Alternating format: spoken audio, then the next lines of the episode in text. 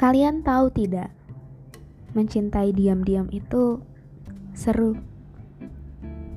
Kadang menyenangkan.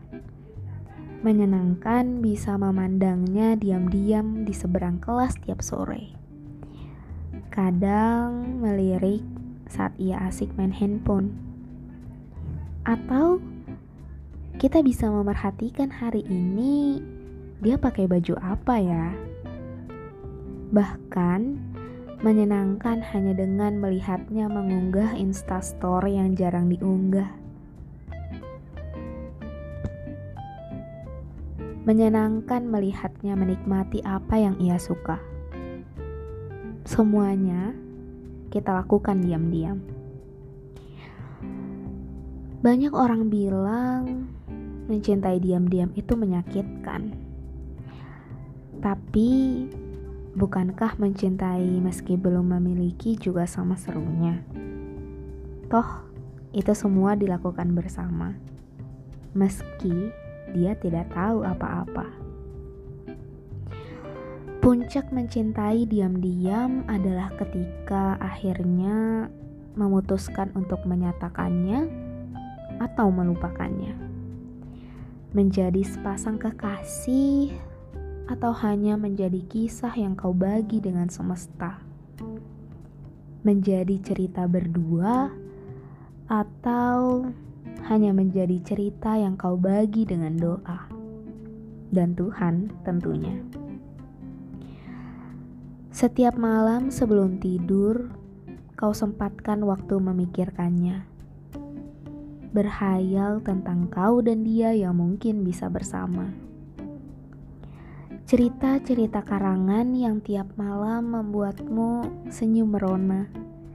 Lebih dulu salah tingkah daripada mengingat kenyataan yang ada.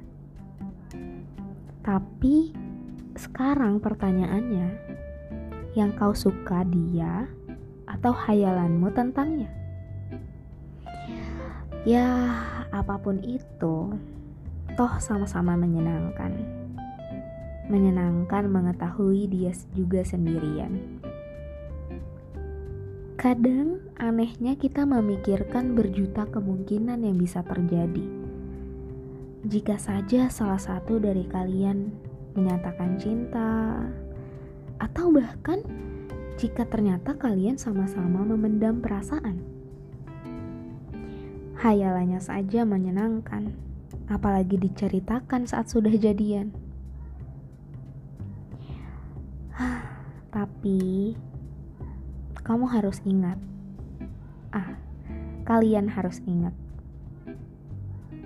Bahagianya itu buat diri sendiri dulu ya.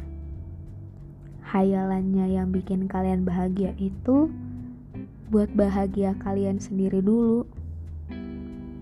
Soalnya kenyataan suka bercanda. Sementara hayalan suka bikin candu hati-hati mencintai. Bisa saja besok lusa dia memang jatuh hati, tapi tidak denganmu. Sayang sekali.